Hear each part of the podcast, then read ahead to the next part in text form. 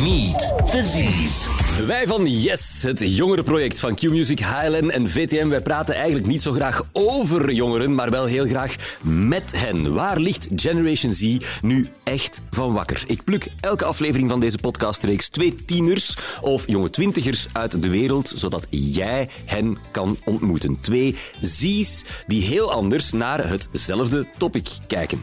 We nemen alle tijd die we nodig hebben hier in Meet the Z's. Generation Z kan zich namelijk langer dan één TikTok-filmpje concentreren, heb ik ondertussen geleerd, wat boomers ook denken. Ehm, en we eindigen ook niet met brakke wanhoop, maar we schrijven op waar we het eens over kunnen zijn. In deze podcast is Generation Z ook een beetje Generation poepen als konijnen. Er was nog nooit zoveel seks zo makkelijk te zien en te krijgen. Toch zeker niet sinds het Romeinse Rijk, heren. Uh, aan tafel één jongere voor wie seks eigenlijk geen pretje is en dus ook geen dagelijkse kost. En een 23-jarige OnlyFans professional voor wie seks letterlijk voor dagelijkse kost zorgt. Ik ben Tom de Kok en dit is Meet Z's. Meet the Z's. Lina en Jess, welkom. Dank. Wat fijn om jullie hier aan deze tafel te mogen verwelkomen. Zitten jullie een beetje comfortabel? Iedereen is op, zijn op haar gemak, moet ik zeggen. Ja, ja maar goed. Ja, oké. Ehm, jullie zijn allebei van ver gekomen om in deze studio te zitten, dus Ja. dank je wel. We maken even kennis. Eh, Jess, jij bent net 25, klopt dat? 26. 26 ondertussen. En jij zit hier omdat ik je in de krant eh, zag zeggen: Ik wil meisjes deze pijn besparen. Ja. Dat zijn grote woorden, want seks is voor jou een lang en pijnlijk pad geweest. Ja. Een ehm, pijnlijke weg van zeven jaar. Ja, zometeen doen we de lange versie, Voilà. maar hoe vat je dat in een paar zinnen maximum samen meestal, als mensen daarnaar vragen? Ehm goeie vraag. Ik Ehm, Voor mij vraagt, was seks iets eh, dat nooit prettig is geweest. Zeker niet in het begin. Omdat de diagnose niet helemaal oké was.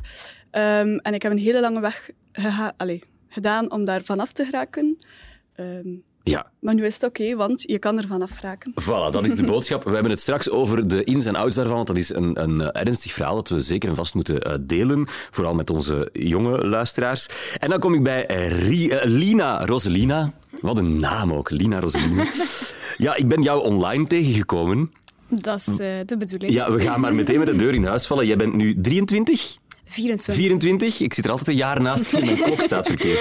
En jij bent 24 en je bent een. OnlyFans-model. Ja. Is dat de officiële benaming of noem je het zelf anders? Ja, een OnlyFans creator is wel correct. Ja, Een OnlyFans content creator. Dat is een platform dus, OnlyFans, waar mensen eh, kunnen betalen om jouw content te zien. Hoe omschrijf je zelf wat je daar dan doet, wat mensen te zien krijgen? Hoofdzakelijk maak ik er solo-video's, dus eh uitsluitend mezelf, masturbatie, eh, ja, Ja. noem maar op.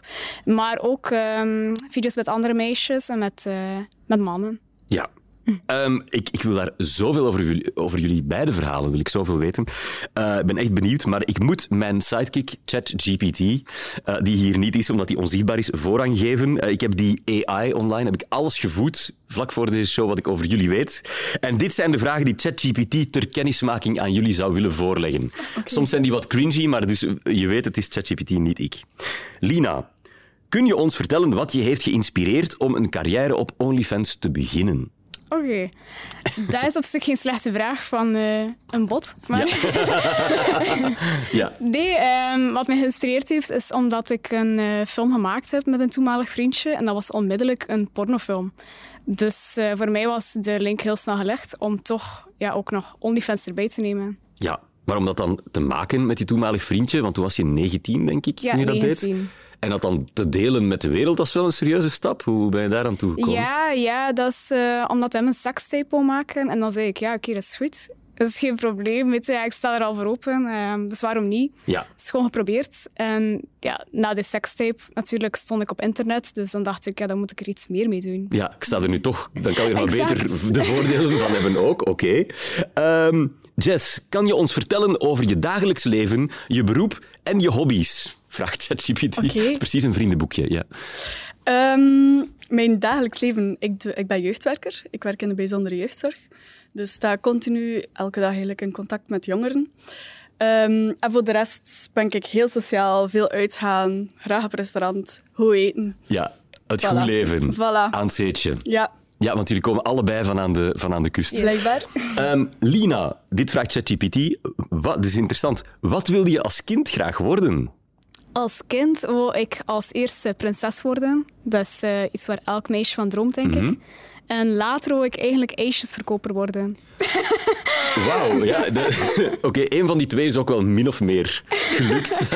Daar moeten we het straks verder over hebben. Eh, Jess, je hebt de keuze gemaakt om op jonge leeftijd iets intiems over jezelf te delen, stelt ChatGPT vast. Is dat een eigenschap die je altijd al gehad hebt? Ik ben een redelijk open persoon. Behalve over dat onderwerp was ik eigenlijk heel gesloten. Ehm, ik was meer zo fake it until you make it. De vriendinnetjes vragen dan vragen aan elkaar. En ik was zo, ja, ja, ja, oké. Oh, en ik doe dat ook. En ja, ja, ja, ja. Maar eigenlijk was dat van, oei, nee. ja want bij jou ging dat heel anders, hè, die seksuele beleving. Ja. Dat deed pijn. Hè. Je zat daar met een, een aandoening die dat bijna onmogelijk maakte. Maar je deed wel mee met de rest dan, ja. Ja, omdat in het begin hadden we ook niet zo goed door wat het was. Dus dacht ik van, het ligt aan mij. Het is oké. dat dit- of Ja. Het is zo, het is zo. Ehm, en pas na een paar jaar is het dan duidelijk geworden dat het wel een serieus probleem was waar ik iets aan- kon doen. En dan, ja, als alles achter de rug was, ben ik er pas open over beginnen spreken. Ja, dat is dus ook een heel traject geweest. Nog een vraag voor Jess. Zou je jezelf als een lichamelijk iemand beschrijven? Ehm, ik hou van intimiteit, eh, zoals knuffels en, en kussen. Ehm, maar ja, mijn sekslibido is nu ook niet heel hoog, bijvoorbeeld. Mhm. Dus daar dan wat minder. Hebben we het zo meteen verder over. Laatste vraag van ChatGPT voor Lina. Het is een lange. Kan je ons vertellen waar je verder in het leven nog mee bezig bent? Bijvoorbeeld of je interessante hobby's hebt of bepaalde passies die je met ons wilt delen. Wat doe je voor de rest nog, wil ChatGPT eigenlijk weten. Dat is een lange vraag voor een korte vraag eigenlijk. Hobby's en interesses, ja. Ik ga eigenlijk mee in het verhaal van Jess. Ik ga ook heel graag uit. Ik ga graag gaan eten. Ik ben graag weg met vrienden. Eh, Ik, ik reis heel graag. Dus dat zijn mijn voornaamste Ja. hobby's. Ja, gewoon een plezant mens zijn. Eh, ChatGPT, de sidekick zonder filter. Hè. We weten nu al een pak beter wie hier aan tafel zit. We duiken samen het bed in. En dan beginnen we bij jou, Lina. Ehm, we weten al hoe je op OnlyFans terecht bent gekomen. Hè. Het begon met een sekstape, het werden er meer. Je dacht, ja, dan kan ik er even goed geld mee verdienen. Ehm, en dat het, dat het niet echt je jeugdroom was, maar je bent wel een soort prinses daar natuurlijk. Is OnlyFans ook echt je broodwinning? Dat is wat jij doet, dat is je job. Ja, OnlyFans is mijn hoofdzakelijke inkomst. En dan heb ik ook nog ja, andere websites die eigenlijk soortgelijk zijn aan OnlyFans. Ja, maar het gaat dus altijd over seksueel getint entertainment, zullen we het eh, noemen. Ehm, ja, ik ga het maar meteen toegeven. En ik ben hier heel nerveus voor geweest, maar ik ben een occasionele gebruiker van OnlyFans. En ik heb mij onlangs op jou geabonneerd. Dat wil dus ook zeggen dat ik jou volledig heb gezien en jou al die dingen heb zien doen. Mhm. En ik vind dat speciaal, dat wij hier dan nu zo naast elkaar zitten. Dat is een Hoe voelt keuze- dat voor jou? Dat is een keuze die je zelf aangedaan hebt, natuurlijk.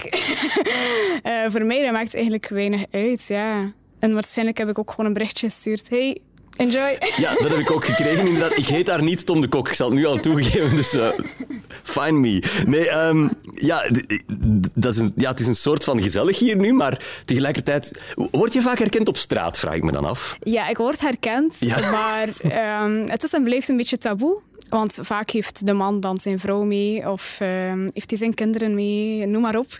Dus er wordt niet per se geroepen van hé, hey, eh, hoe gaat het? Maar, pas op, dat is eh, iets dat deze week gebeurd is. Allee, deze week, ja, binnen de zeven dagen. Ehm, ik stond in het casino van Oostende. Eh, dus ik ga er regelmatig, ik woon in Oostende. En natuurlijk ja, kwam er net een man beneden met zijn vrouw. Maar hij had net te luid geroepen, denk ik, voor de hal van... Hé, hey, dat is die van OnlyFans. ja, dat kei luid. Ik Ja. dacht, oh, dat was wel heel discreet. En eh, vind je het dan lastig als, als mensen jou in je privéleven dan eigenlijk een beetje binnendringen? Of ja, probeer ik je die dingen wel- echt gescheiden te Ik houden? vond het ergens wel een beetje vervelend, maar dacht ik, ja, oké, hij heeft mij herkend. Ja, die mens is misschien wel zat. Ik kan er weinig aan doen, snapte? Ja, en wat zei zijn vrouw? Ja, die hebben niets gezegd. Die waren binnen de twee seconden gewoon buiten. Ja. Maar, maar het, is, het gebeurt weinig dat, jij, dat er echt selfies met jou gevraagd worden. en Nee, dat dat soort gebeurt dingen. niet. Pas op, op de erotica-beurs is dat wel. Maar daar is het ook de locatie ervoor. Ja, en daar komen mensen dan eh, speciaal ehm, om jou daar dan te zien. Exact. Eh, wat antwoord je in normale situaties op familiefeesten als mensen vragen wat jouw job is? Ja, dan zeg ik gewoon wat het is. er, is Ja. geen, eh, er is geen taboe voor mij. En wat is de doorsnee reactie die je dan krijgt? Maar mijn familie weet het intussen allemaal al. Dus allee, daar is de reactie Mhm. gewoon heel normaal. Hoe is het op het werk? Daar is gewoon eigenlijk de vraag, ja. Dat is gewoon normaal, denk ik. Ja. Maar eh, ja, in het begin was het wel moeilijker voor hen om dat te aanvaarden. Maar uiteindelijk, allee, die merken nu wel dat ik het gewoon graag doe. En dat het mijn inkomst is. Dus Ja, misschien zijn mensen vaak bezorgd in het begin. Zo van, ah, doe je dat wel uit vrije wil? ja. Word je niet gedwongen? Ga je daar geen spijt van krijgen? Heb je daar al bij nagedacht? Want al dat materiaal dat online staat, ik heb jou gezien, Ja. vele, vele tienduizenden mensen met mij. Ga je dat als omaatje nog leuk vinden dat het daar staat? Wel, eenmaal online is het online natuurlijk. Ja. En dat is net het gevaar van ja, seksvideo's, eh, foto's, naaktfoto's, eh, noem maar op. Maar daar is ook wel een site voor die ik gebruik om alles van ehm, leaks tegen te houden. Ja, Dus dat het van jou blijft, het wel. materiaal. Ja, Ja. Het is zeer moeilijk, maar allee, ik probeer wel mijn best te doen om het toch binnen handen te houden. Ja. Ik wil straks graag weten hoe jouw gemiddelde werkdag eruit ziet. Als mensen vragen van, hoe was het op werk? Maar we gaan eerst eh, met Jess praten. Jess, ehm, wanneer was jouw eerste keer? Als ik 16 jaar, jaar 16? was. Ja. ja. bij mij ook. Zo, normale leeftijd om eraan te beginnen. tegenwoordig. Ja, eh, ja, daar hebben we het zo meteen ook nog over. Ehm, maar dat was ja, een heel andere ervaring dan... eh, kom, we maken even een sekstape. Ja. Hè, wat, wat natuurlijk ook ergens een soort van stille droom van, van velen zal zijn. Maar bij jou ging dat heel anders, hè? Die Ja. eerste keer. Hoe kan je ons daar even terug naar meenemen? Ehm, ja, want ik herinner me nog heel goed. Dat was een van de pijnlijkste ervaringen dat ik eigenlijk al gehad heb. Ehm, dat was ja, met, me toen, allee, met een ex toen, met dat vriendje Ja. toen. Dat je denkt van oké, we zijn er klaar voor. we gaan de stap zetten. Ehm, waar dat ik dan eigenlijk merkte van ja, oei, dat gaat er niet in. Dus letterlijk niet van het zit erin en het doet pijn, maar het gaat niet. Ja. Eerste keer denk je, oké, stress, zenuwen voilà, ehm, geen probleem. Tweede keer denk je, ja, het zit daar precies toch nog niet goed. Zou het nog altijd de stress zijn? Begin je toch je vragen af te stellen? Eh, allee, te stellen. En de derde keer was echt zo van, ja, dit is niet oké. Ik ben ook een beetje doorzetter, dus ik dacht gewoon, ram het erin. Oh. Ik, maar dat ik ging dus niet. Het wel. Nee. Voilà, ik dacht ging- gewoon, dat is normaal. De eerste keer. Hé, de meesten zeggen dan, ah, je hebt een beetje bloed en dat Ja. doet wel een beetje pijn. Dus ik dacht gewoon, ik heb dat een beetje erger. Ehm, maar dat rammen ging ook zelf niet. Dus dat was echt van, oké, stop met tranen. eh, zoveel pijn dat ik echt drie uur aan, aan een stuk nog een branderig, branderig gevoel had. Amai. Ehm, gelukkig hebben wij een open huis waar dat wij heel vaak over van alles en nog wat kunnen praten. Dus ik ben dat ook direct gaan zeggen tegen mijn mama. Eh, en ja, die zei, kom naar de gynaecoloog. En daar hebben ze dan vaginisme vastgesteld. Ja. Ehm, Wat is vaginisme? Vaginisme is eigenlijk vanaf dat je iets wil inbrengen, zoals een tampon, een vinger, een penis, dat gaat niet. En ik had wel al gemerkt, bijvoorbeeld een tampon, ja, dat lukte niet, maar ik dacht, ja, ik weet gewoon niet hoe dat, dat moet of zo. Ik doe dat gewoon verkeerd. Het Ja. komt in orde. Eh, maar blijkbaar hoorde dat er dan ook eigenlijk al bij van, je krijgt dat er gewoon niet in, want dat doet pijn. Omdat je bodembekkenspieren zodanig spannen, dat is zo Ja. precies een spastische spier. Ja. Ehm, dat is echt een lichaam dat zegt van, hier komt niks binnen. Voilà. Ja, wat natuurlijk, ja, zeker als je seks wil hebben, maar zeker ook met een tampon. allee, Ja. veroorzaakt. ja, heel erg veel pijn. Ja. Toen is er een lange leidersweg begonnen, want die diagnose van va- vaginisme, je denkt dan van, oké, we weten wat het is, pilletje, opgelost, voilà. begin er maar aan, rammen. Ja. Maar dat is, dat is zo niet gegaan. En hoe komt het dat je daarna, je hebt nog zeven jaar Ja. een medische leidersweg afgelegd. Daar kunnen we uren over praten, we kunnen die niet helemaal reconstrueren, maar hoe komt het dat dat nog zeven jaar geduurd heeft voor jij... Omdat ik buiten alleen, niet alleen vaginisme heb, maar ook vulvodynie. En dat is eigenlijk ehm, wanneer je vulva, het begin van de vagina dus, wordt aangeraakt, eh, stuurt dat pijnreceptoren. Dus zegt dat continu, oh, oh, oh, pijn, pijn, pijn. Waardoor dat ook opnieuw de bodembekspieren in spanning gaan. Waardoor dat op zich de penis er wel in geraakt, maar alles gewoon pijn doet. Ja. Vanaf dat daar een beweging in komt, doet dat pijn. Dus jouw lichaam schreeuwde Pijn. op je, van je 16 tot je 23, hè, tot een paar jaar geleden, schreeuwde geen seks. Pijn, pijn, pijn, pijn, pijn. Dat Ja. was jouw associatie met seks. Inderdaad. Ja. Wat deed dat met je?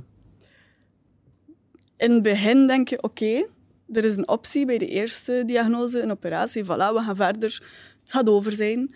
Je merkt dat het niet over is. Dan heb ik toch wel eerst twee jaar moeten zoeken van, wat is het dan? Een nieuwe diagnose, heb je weer al hoop van, oké, het gaat beteren, maar geen pilletje, geen zelf werkte. Ehm, waaraan dat je dan ook wel op een duur om de drie maanden zat ik bij een dokter om een test te laten doen en was dat van, ja, het zal toch niet goed zijn. Ja. Ik zat daar eigenlijk al negatief. En eh, ehm, zowel ehm, vaginisme als Vulvodynie. vulvodynie, ja, ik ben aan het leren. Zijn dat puur fysieke aandoeningen of is dat ook iets psychologisch? Op den duur wordt dat psychologisch.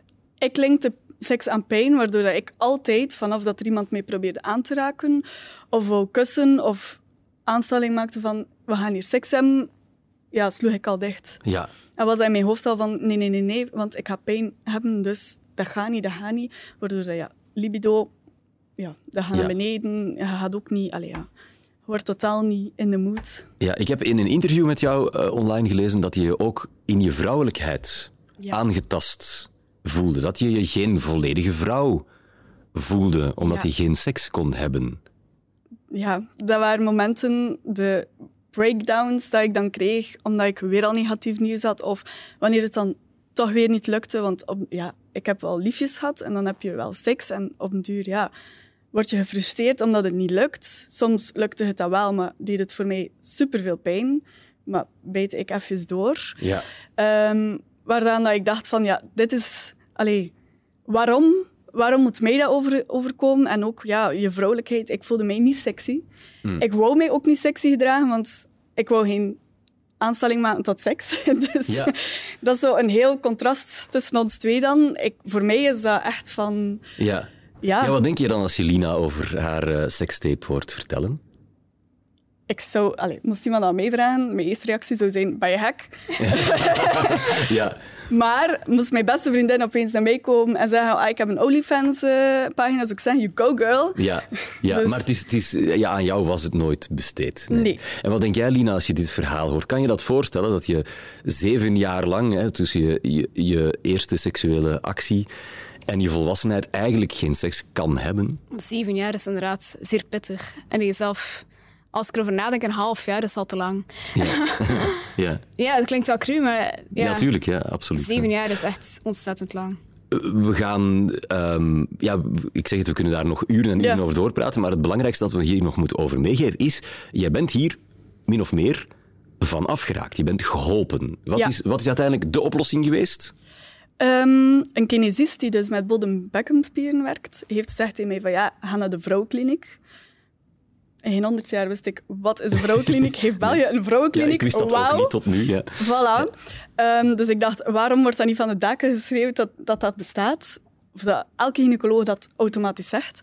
Eh, en dat heeft mij dan uiteindelijk geholpen, achter twee jaar, met een operatie wel.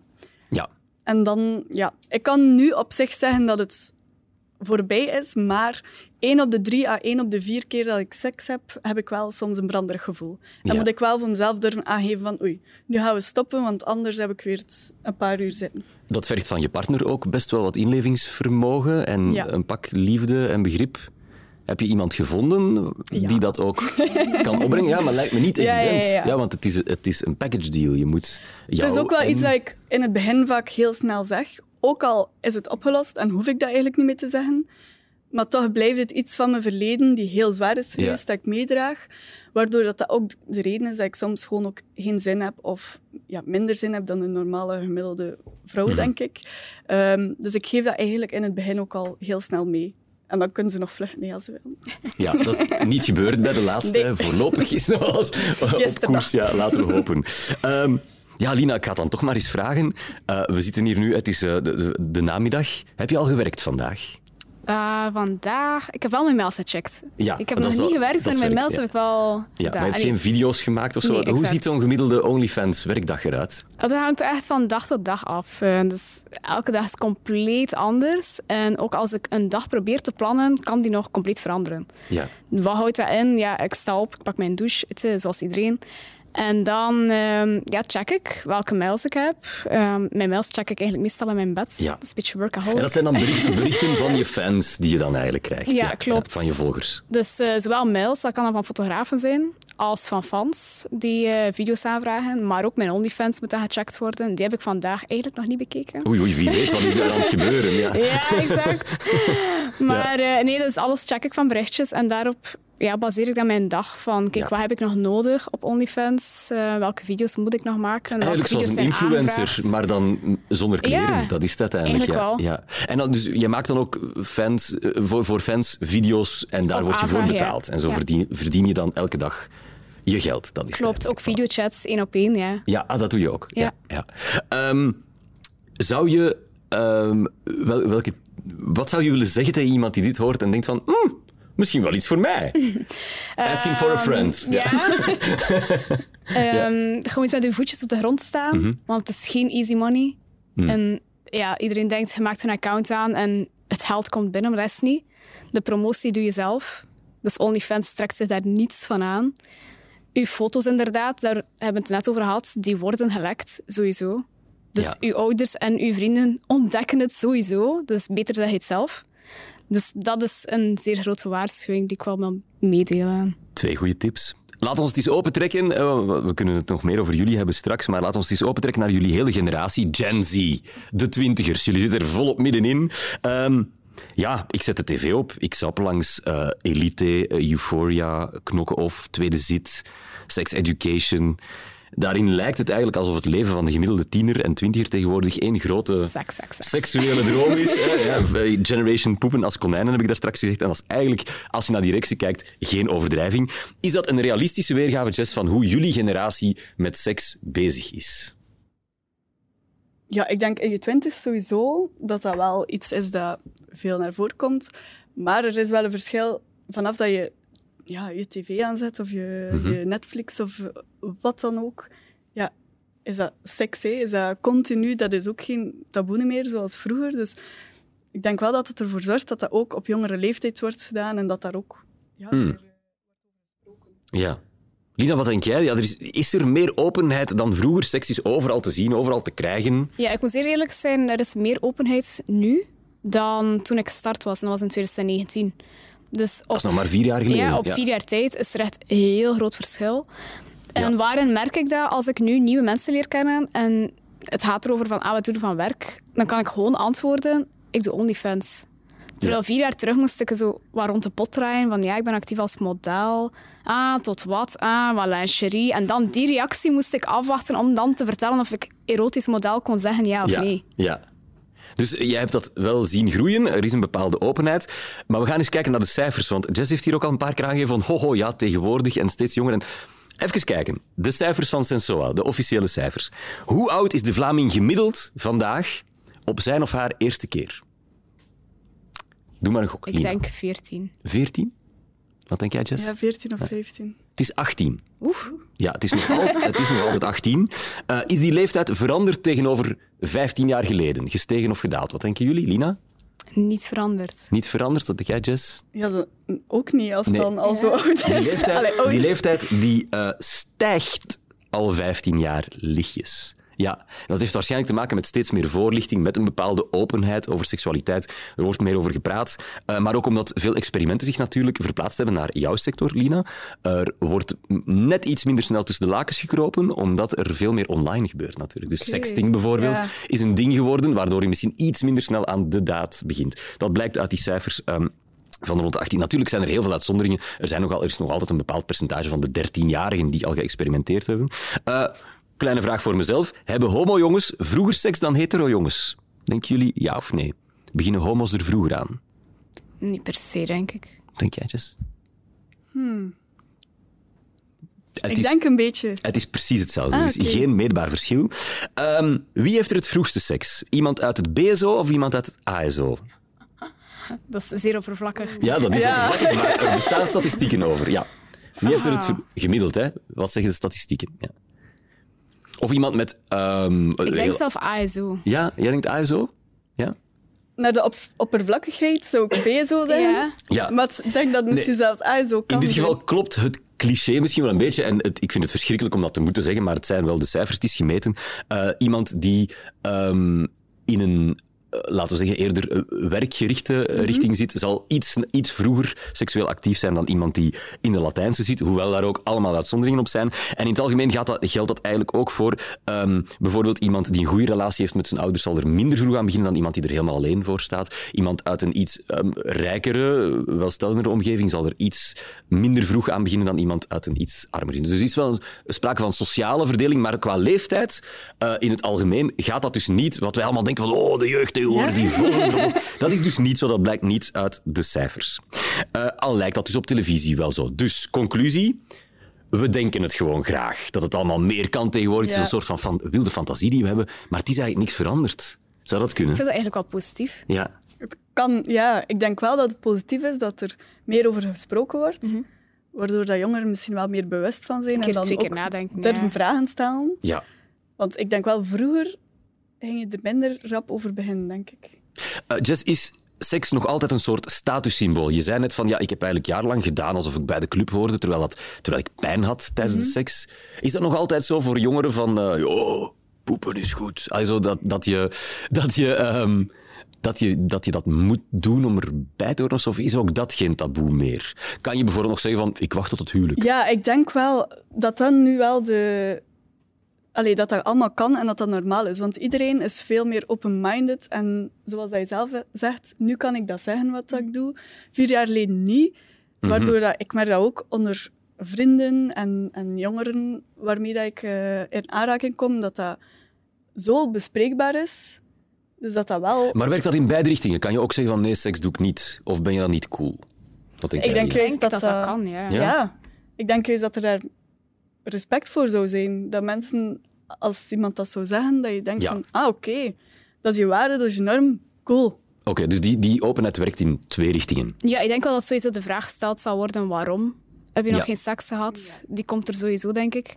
En als je wel seks gehad hebt, dan wordt er geen vraag gesteld, denk ik. Dat is waar. Ja, dat wordt toch nog meer als een soort van the way to Iets go gezien of zo. Ja. zo, ja. Ehm, ja, wat wel nieuw is natuurlijk van de, afgelo- zo- van de afgelopen eh, twintig jaar, laten we maar zeggen, is al die porno waar we mee overspoeld worden. Met dank aan haar collega's. Ehm, ja, ik heb nog meegemaakt. ik heb nog meegemaakt dat je dan nog op zoek moest naar zo de, De vergeel, cassette. de vergeelde pornoblaadjes van je ouders. Of inderdaad video's.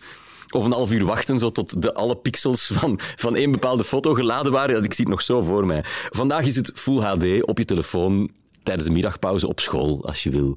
Het is overal. Is dat goed of niet, Lina? Ik heb zelf al mannen die videochats doen gewoon tijdens hun werk. Dus Ja. ja, voor mij is het goed. Ja, voor jou. Ja, jij verdient er je boterham mee. Is dat een, maar vind je dat in de maatschappij in het algemeen, zeker voor iets jongere mensen... Ja, er zijn ook 14 jaar Ja, ik die heb dat wel te iets zien van, krijgen. allee, hè. probeer wel te scheiden. Als je op school zit, focust je misschien iets meer op de school. Doe Ja. dat als je thuis komt, voordat je naar school gaat, maar niet per se tijdens de les of zo. Ja. Wat, wat vind jij, Jess, dat die alomtegenwoordigheid van porno bijvoorbeeld... Ik moet toegeven, porno was voor mij... Ja, als ik zelf geen seks kan hebben, ga ik toch ook niet naar mensen gaan kijken die seks kunnen hebben. Dus tot op de dag van vandaag heb ik nog nooit porno gekeken. Nog nooit porno gekeken? Nee, Ja. dus ik, ik weet zelfs niet hoe dat je het moet opzoeken of wat dat, wat dat de goede is voor op te zoeken. Ja. Ik zal het zo zeggen.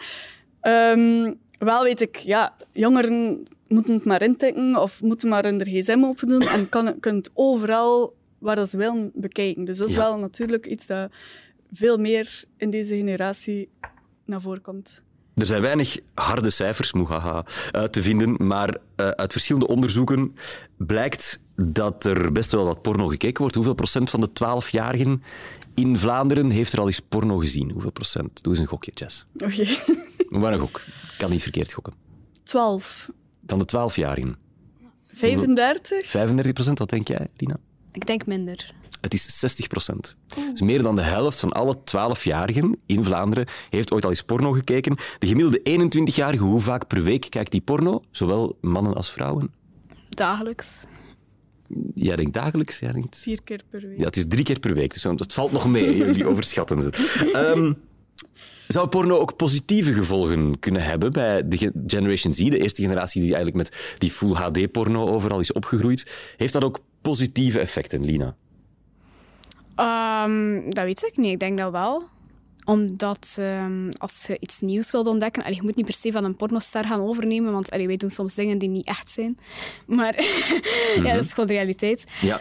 Maar ehm, ja, dan kun je misschien wel dingen bijleren. Als je bijvoorbeeld een fetish hebt voor iets, dan Ja. kun je wel gaan denken van, ah, misschien ligt mij dat wel. Misschien moet ik dat eens proberen. Misschien moet ik dat gewoon eens doen. Ja. En het is zo dat het leert. Vroeger zou je nooit ontdekt hebben dat je Exact. graag witte sokken aan hebt in bed Ja, of zo. En, nu- ja, voilà. en nu, nu zie je dat en kan je denken van, ah, misschien iets Ik kan het proberen, ja. Oké. Ja, dus minder, minder bang, minder preuts voor dat soort dingen. Er wordt natuurlijk ook wel vaak gezegd van ja, maar porno vervormt een hele beeld van hoe seks moet werken. Voel jij je daar soms verantwoordelijk voor als pornomaakster? Van ja, ik ben hier effectief dingen aan het tonen die niet echt zijn, waardoor... Ik probeer zoveel mogelijk wel echt te doen. Ja. Dus niet alles is mogelijk om het echt te houden. Dus er komt sowieso glijmiddel aan te pas. Maar dat is ook iets Ja. die uit beeld gehaald wordt. Dus, ja. En dat zou in de, in de beste slaapkamers natuurlijk gewoon ook standaard Ja. gebruikt kunnen worden. Ja, exact. misschien moeten we het meer tonen in je volgende video. Gewoon de pot ernaast wel, ja, maar het is niet super sexy. Nee, van ja, maar dat is het net. Hè. We maken het wel. Je maakt die. Je, ja, ik heb jou, jouw porno gezien. Mhm. Je maakt het heel erg sexy. Terwijl de seks die ik met mijn man heb, is dat niet altijd, durf ik hier eerlijk te zeggen. Klungelig, niet Ja, altijd zo voilà. proper. Waarom klungelen jullie niet? Waarom klungelen jullie Dat niet gewoon wat vaker bij met porno? porno. Ja, Klungel toch wat? het eerste jaar klungel je. Ja. Daarna word je professioneel. En dan Ja. is het moeilijk om nog te klungelen. Ja, Dus dan wordt het een opgave om te klungelen. Maar ik heb meegekeken, dus ik kan wel zeggen van jij bent professioneel, maar nog niet zo, prof- zo niet in dat ehm, zo plastic Barbie-achtige Nee, terechtgekomen dat je vaak bij zeker Amerikaanse porno bijvoorbeeld ziet. Ehm, het, het lijkt nog altijd wel heel real, maar toch ja. inderdaad, je, je, je, je zet wel bepaalde dingen in scène. Voel jij je niet verantwoordelijk voor een 14-jarige of een 16-jarige of een 18-jarige die dat ziet en denkt, zo is seks? Iedereen onder 18 is al niet welkom bij mij. Ja, probeer ze maar eens tegen te houden. hè. Dat is visa, hè? Ja. Dus, eh, het is met de visa van Ja. de ouders dan. Mhm. Ja, dat gebeurt. Ja, ja. Het gebeurt waarschijnlijk. Ik Ja. hoop het niet. Maar zelfs een echt hopen, 18-jarige maar of zelfs een 25-jarige die dat ziet, krijgt, wel, krijgt misschien in de slaapkamer thuis problemen door jou, Mhm. die hele leuke, maar niet echt echte seks te zien hebben. En dat is net waarom er een chat is bij mij. Ja.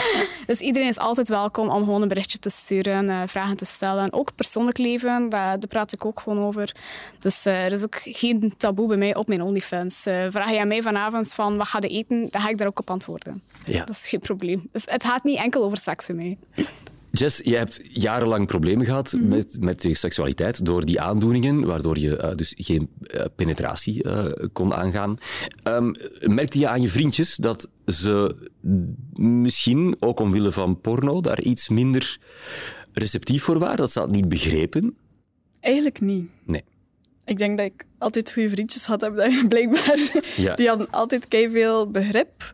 Ehm, maar er is wel ergens een onzekerheid dan bij mij, want ja, wat als je er niet bent en ik kan het ook niet altijd geven, ja, garantie kijken die ook naar porno Ja. op momenten dat ik er niet ben. Ja. Ehm, Dus je, je maakte je daar wel zorgen over, over het bestaan van. Ja. Ja, ergens is het wel, jij bent daar de realiteit, maar het lukt niet. En dan heb je iets op de computer die op dat moment eigenlijk niet re- allee, realiteit is. Nee. En daar gaan ze het dan wel Maar vinden wel altijd of beschikbaar zoeken. en altijd perfect doet wat je dus wil. Ja. ergens voel je zo van, Ja. oei, ik moet hier concurreren met iets dat online staat. Hm. Ehm, nu ben ik daar al wat open-minded over, want dat was ook vroeger, ja, dat was ook al meer in mijn hoofd van, oei, ik kan het al niet zelf accepteren. Dus dat erbij was ook nogal moeilijk. Ehm, kent jullie generatie zijn of haar grenzen beter? Jess, jij zou waarschijnlijk met je aandoeningen in de jaren 70, laat ons zeggen, ja, gewoon je pijn hebben moeten verbijten en voor een, soort, voor Ja. een hysterisch vrouwmens uitgemaakt zijn. Of gewoon nooit een lief gevonden hebben en al zeker niet medisch geholpen zijn. Hebben we meer geleerd om, daar, om, daar, ja, om alles te bespreken en ook zelf te zeggen van tot hier en niet verder? Is dat verbeterd? Ik denk verleden met vroeger, want toen ik daar ehm, in de krant was gekomen, heb ik veel berichtjes ontvangen, ook van wat oudere dames, die ook wel zeiden van, amai, ik kon dat vroeger allemaal niet vertellen. En voor mij was dat gewoon, ja, doorgaan en, en niks zeggen, want ik mag niet klagen en niet zagen. Ehm, andere berichtjes waren dan van jongere mensen die ook wel zeiden van, ah, oké, ik heb dat ook. Eh, misschien moet ik daar dan toch een keer verder mee gaan. Ehm, maar toch merk ik dat het ergens toch een, een taboe blijft. Er zijn nog taboes. Sowieso. Want Ja? ik heb dat, dat gedaan en ik heb op mijn allee, op een eh, bepaald vorig werk, moeten dat van Facebook halen en van Instagram. Want dat strookt niet met waarvoor ik stond in de organisatie. Wow, openheid Ehm, over een zwaar medisch probleem voilà. werd niet getolereerd door Nee, oh, dus hoe verwacht je dan dat een 16-jarige daar dan open over Ja. is tegenover eh, Interessant. iemand? Want komt het taboe dan van die 16-jarigen of van een oudere generatie die die taboes blijft opleggen? Zijn jongeren daar toleranter over of zie je, daar, zie je eigenlijk dat dat wordt verder gezet, die taboesfeer?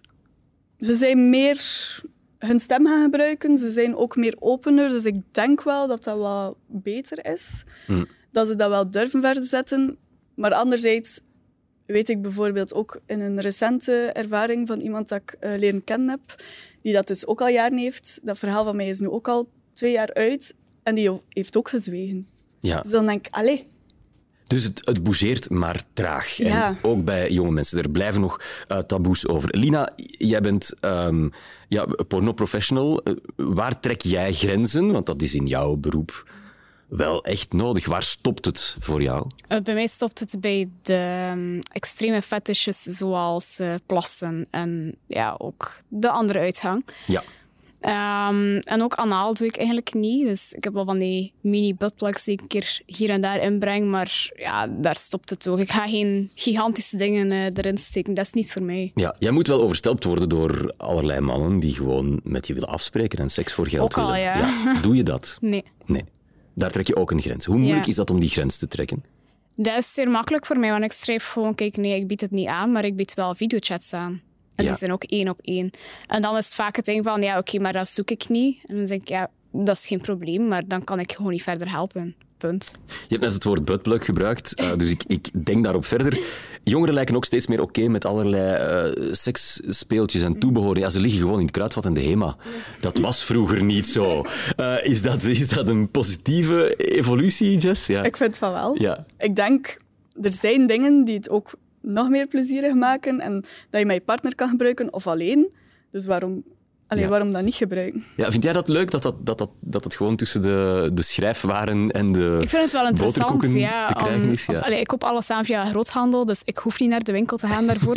maar allee, het is wel cool om zo, als je inderdaad in de kruidvat wandelt, zo, ah, mo, daar liggen hier nu speeltjes. Ja. Dat is zo, naast het glijmiddel staat dat, dat ik dat wel aankoop. Maar dan, ja, de speeltjes die daar zo staan, ah, dat is interessant. Ah, dat kan ik niet. Ah, oké. Is, het- is het onder twintigers heel oké om je, je dildo te vergelijken? Ja. Of dat wordt niet Nee, per se besproken? Bij, bij ons wel. Ja. Gelijk geen dildos met eh andere vriendinnen. Nee, maar wij weten wel van elkaar wat we hebben. En wij zeggen, ah, moet dat een keer proberen, dat is keigoed. ja, wauw, kijk, zie. Of die, die heb ik gekocht, dat is niet zo Ja. goed. Kan je nog iets van leren, Lina? Eh, ehm, belangrijke vraag nog, eh, tot slot hierover. Zijn jongeren nog romantisch in de liefde? Of is het gewoon klaarkomen? Nee. De- eh, kunnen ze dat nog echt romantisch? Want alles kan, alles is te krijgen. Ze hebben alles al gezien, alles al gedaan. Ja, maar Kan je je hebt altijd wel liefde zijn? en affectie nodig. Ja.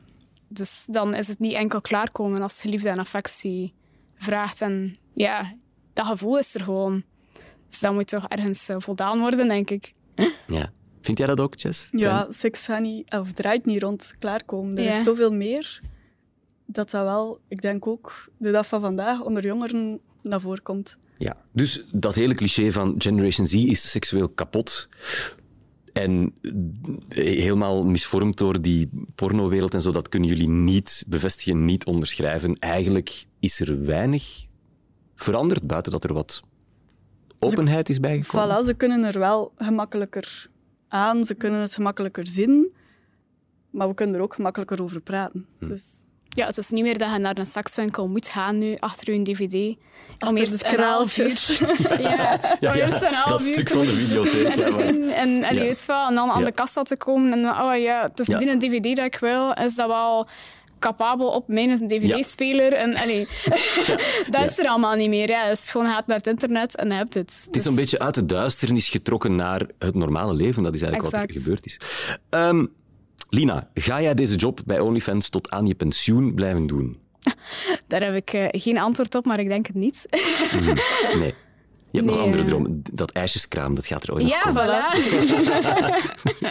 Ehm, Jess, ben jij op een punt gekomen dat je zegt van als dit nu mijn seksleven is, dan ben ik tevreden. Zo van het, ik, ik ben na die hele leidersweg ergens aangekomen waar ik mee voort kan. Of is er nog werk aan wat jou betreft? Ehm, qua seks ben ik tevreden, eh, maar qua libido moet ik nog een beetje werken. Mm. Daarvoor moet ik nu nog wat meer, ja, ik weet het niet, openstellen. Misschien toch een keer gaan kijken van hoe kun je dat libido toch weer opwekken. Ehm, Ja. Ik denk dat het gewoon ook nog iets is van loslaten. Eh, dat die pijn nog misschien ergens zit in mijn hoofd van...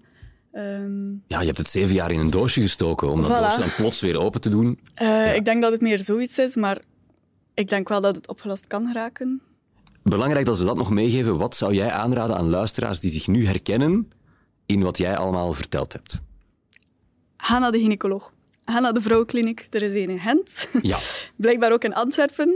Ehm, maar doe dat gewoon. Want uiteindelijk, ik ben daar geen vijf seconden binnen geweest. Ik zei gewoon van, ik heb dat, dat en dat. En die, allee, die professor zei, je hebt dat. Ja. We gaan het wel nog een keer testen, maar je hebt dat. En dat was ook zo. En ik, dat was zo'n ja, last van mijn schouders die viel van... Oké, ik heb dus wel iets, het zit niet in mijn hoofd. En ze gaan er iets aan doen. Vaginisme en waarom? vulvodynie. Ja. Google het eens als je denkt dat je erin herkent en blijf er vooral niet mee rondlopen. Hopelijk hebben we dat taboe En dan praat erover. nu opnieuw wat eh, doorbroken. Ehm, wij zijn geen politiek ruzieprogramma. Dit is niet ter zake waar we elkaar op elkaars gezicht slaan en dan uit elkaar gaan. Eh, we hebben hier twee redelijk extreme verhalen naast elkaar gezet, maar jullie hebben heel eh, goed naar elkaar geluisterd, elkaar ook een paar keer gevonden. Lina, wat ga jij meenemen van wat Jess verteld heeft? Heb je, heb je hier vandaag iets bijgeleerd dat je denkt van, ah, Ja, ehm, dat het ja, zeer kut is, letterlijk, om... Ja, het is het is wel- heel kut als je Ja. kunt niet. Ja. Dat het is als je, als je geen seks kunt hebben, gewoon omdat het echt pijn doet. Allee, dat, is, dat is niet fijn. ja, dat het geen kwestie van niet willen is. Nee, maar- exact. ja, ja. En Jess, wat heb jij van Lina onthouden van deze ontmoeting? Wat ga je hiervan meenemen? Ehm, ja, toch het, zo, het seksuele of het, het zelf graag zien. En dat het ook wel oké is om jezelf te durven tonen. Dat vind ik... Allee, ik heb soms wat moeite met... Ja, oei, ga ik hier nu... Ga ik dat een keer posten? Ga ik dat niet posten? Wat, gaat de, wat gaan de mensen zeggen? Ehm, nu ben ik al meer op weg van... Oké, we doen dat gewoon en Ja. fuck it. Maar jij doet dat echt en ik vind dat wel sterk. Die ene werkgever had Lina eens eh, moeten hebben. Dat zou helemaal ontploft zijn. Eh, tot slot, dames. Ik werk aan een, eh, aan een Generation Z-pact. Het Yes-pact noemen we het. waarin we zoveel mogelijk opschrijven wat er hier besproken wordt. Ik, ik wil dat graag bezorgen aan zoveel mogelijk mensen met macht. Politici. Het zijn verkiezingen binnenkort. Wat mag ik daar over jongeren en seksualiteit inschrijven? Wat zouden jullie graag zo willen meegeven aan zo de beslissingsmakers, eh, invloedrijke mensen aan de wereld als het gaat over jongeren en seks? Wat moeten we ehm, nog beter doen, bijvoorbeeld? Waarover kunnen we het hier eens zijn? Denk eens na. Ik denk, ja, op festivals bijvoorbeeld, condooms uitdelen. Meer condooms uitdelen, alstublieft.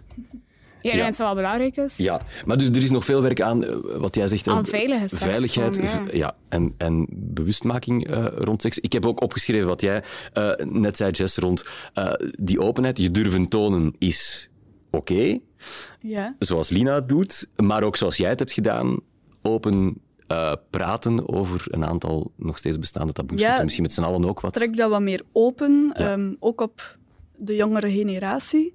Eh, wees daar niet bang voor om daar eigenlijk over te spreken. Ehm, omdat je dan denkt van, oei ja, maar is dat wel oké dat we spreken over 16-jarigen met seks en, en trek Mhm. Ja, ze dat open, ehm, maakt meer bekend. Ehm, ja. Haal het uit de duisternis. Voilà. dat maken we hiervan. Kunnen we het daarmee eens zijn? Dan wil ik jullie geweldig eh, bedanken om hier aan deze tafel te zitten en zo open over iets heel persoonlijks te spreken. Ik hoop dat we eh, daar flink wat mensen mee geïnspireerd eh, hebben. Jess en Lina Roselina, merci.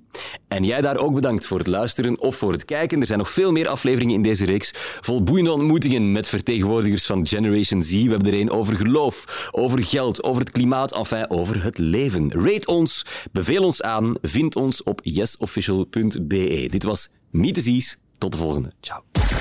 Meet the Z's.